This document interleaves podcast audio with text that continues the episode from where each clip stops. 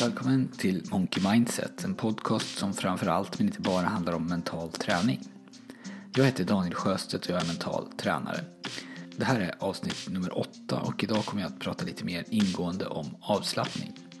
Jag pratar ju om avslappning och hur viktigt det är i avsnitt nummer två och om du vill ha en kort introduktion till ämnet så kan du gå tillbaka och lyssna på det. Men här kommer jag att försöka gå in lite mer på finliret. Jag ska prata om ett begrepp, nämligen det mentala rummet. Jag ska prata om vad det är och hur du kan använda det.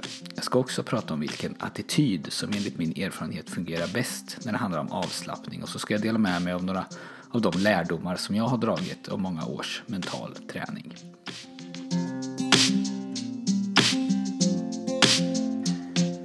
Som jag sagt tidigare så är avslappning grunden i mental träning. Du kan absolut ha nytta av övningar och modeller som du gör i vaket tillstånd.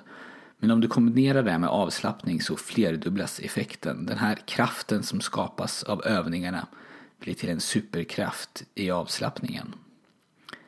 Men det sker inte över en natt utan din kropp och ditt sinne behöver träna på det här för att kunna bli bra på det. Och du tränar genom att göra det regelbundet. Ju mer du tränar desto bättre kommer du att bli. Vad är det då exakt du kommer att bli bättre på? Jo, dels så kommer musklerna med tiden kunna släppa de spänningar som finns och bli helt avslappnade. Och bara avslappningen i sig kommer att smitta av sig på ditt dagliga välbefinnande och leda till minskad stress och ökad livskvalitet.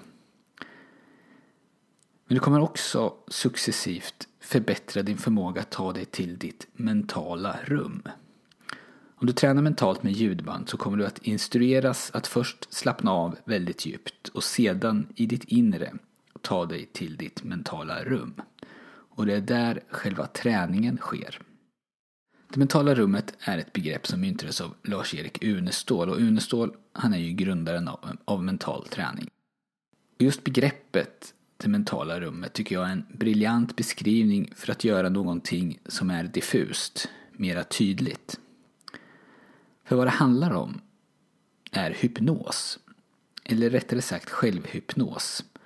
När du slappnar av djupt så hamnar du i ett hypnotiskt tillstånd. Och att du tar dig till ditt mentala rum fungerar som en bildlig beskrivning av det. För vissa är det enklare att hamna i det hypnotiska tillståndet om man tänker sig en plats eller ett rum istället för bara ett tillstånd. Och hypnos, det är inte så dramatiskt som det låter. När du befinner dig i ett hypnotiskt tillstånd så befinner du dig någonstans mellan dröm och vakenhet. Du hör ljud och du kan skapa egna tankar men känslan i kroppen påminner om sömn.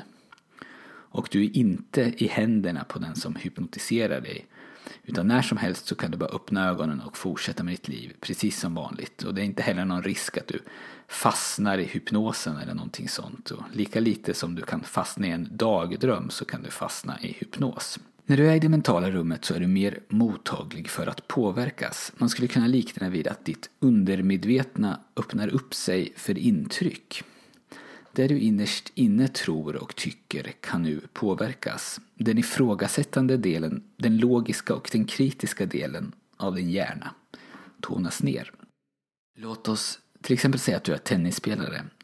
Du är duktig men när de avgörande bollarna ska spelas blir du nervös och spelar under din förmåga.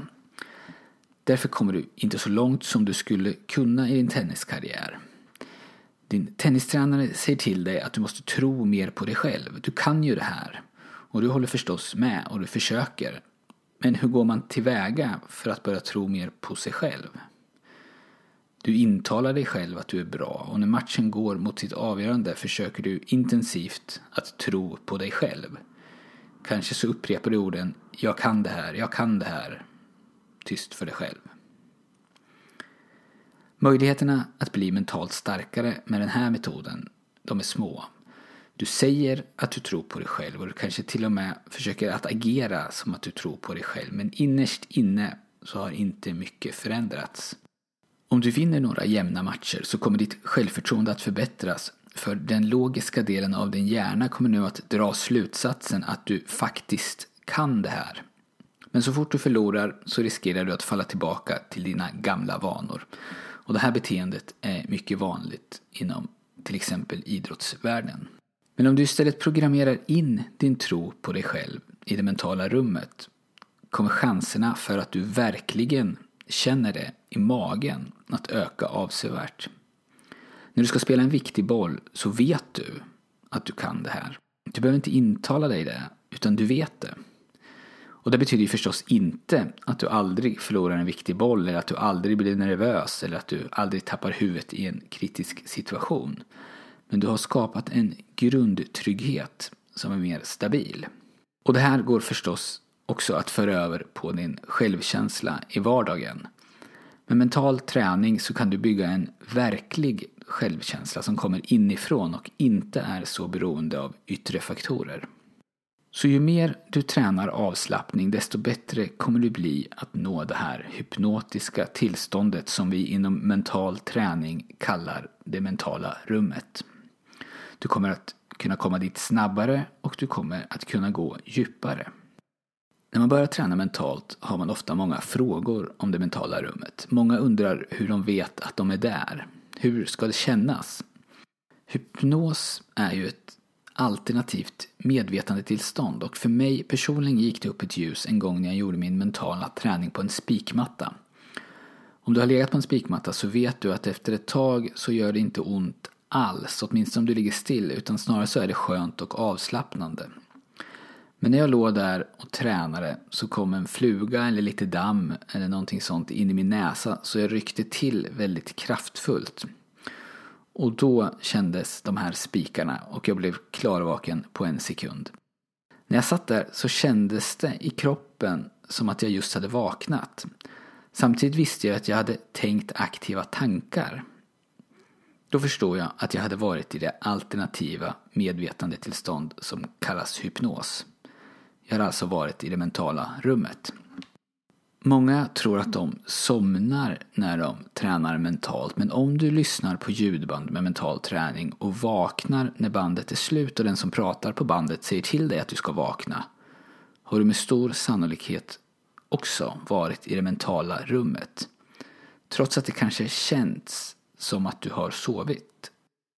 Mitt bästa råd när det gäller det mentala rummet och huruvida du är där eller inte, det är att inte bry sig om det. Låt det som sker ske. Om du försöker forcera fram det så kommer det antagligen att gå sämre.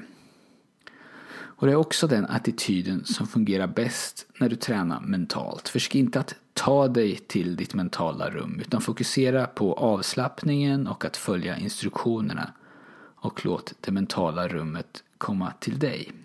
Och hur ditt mentala rum ser ut, det är ju du som bestämmer. Om du har ett fysiskt rum eller en plats som du möblerar så blir det tydligt och rakt på sak och det är bra. Men för vissa så funkar inte det riktigt och så var det till exempel för mig. Så jag experimenterade med olika rum utan att något kändes riktigt rätt. Och till slut så fick jag rådet att strunta i rummet, att bara fokusera på känslan. Och då gick det mycket bättre. Och all annan träning, den fungerar då precis lika bra. Så för att vara tydlig.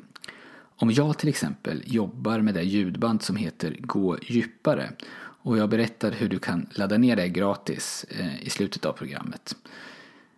Om jag jobbar med det ljudbandet så ombeds jag att gå ner för trappor och kliva in genom en dörr. Där inne finns mitt mentala rum. Om jag hade skapat ett mentalt rum som jag använde så hade jag tänkt på det rummet och klivit in i det. Men jag kliver bara in med instruktionen att hitta en plats där jag mår bra. Och om det är ett rum, en sommaräng, rosa bomull eller ingenting, det, det, spelar ingen roll. Med den här beskrivningen så vill jag att du ska förstå att exakt vad och exakt hur inte är viktigt. Därför är det onödigt att lägga energi på det eftersom det kan hindra dig att komma in i det här tillståndet om du hela tiden undrar om du gör rätt eller fel. Och det är också viktigt att komma ihåg att tiden du behöver träna innan du med lätthet når det mentala rummet varierar mycket från person till person. För vissa tar det bara några veckor, men för mig till exempel så tog det flera månader och all träning du gör, den gör nytta. Så ge inte upp. Mental träning är ingen quick fix, men det är en fantastisk metod som alla kan ha nytta av. Om du har mer frågor om det mentala rummet eller mental träning i allmänhet så får du gärna höra av dig. Du kan nå mig på daniel.monkeymindset.se och om du går in på monkeymindset.se och trycker på den röda knappen där det står prenumerera så får du också de här fyra ljudbanden som ingår i min app Mental träning. Ljudspåren heter Slappna av, Gå djupare, Självkänsla och Målbilder. Och det kostar inget och det du kommer att prenumerera på det är mitt nyhetsbrev. Det var allt för den här gången. Tack för att du har lyssnat och jag hoppas att vi hörs snart igen.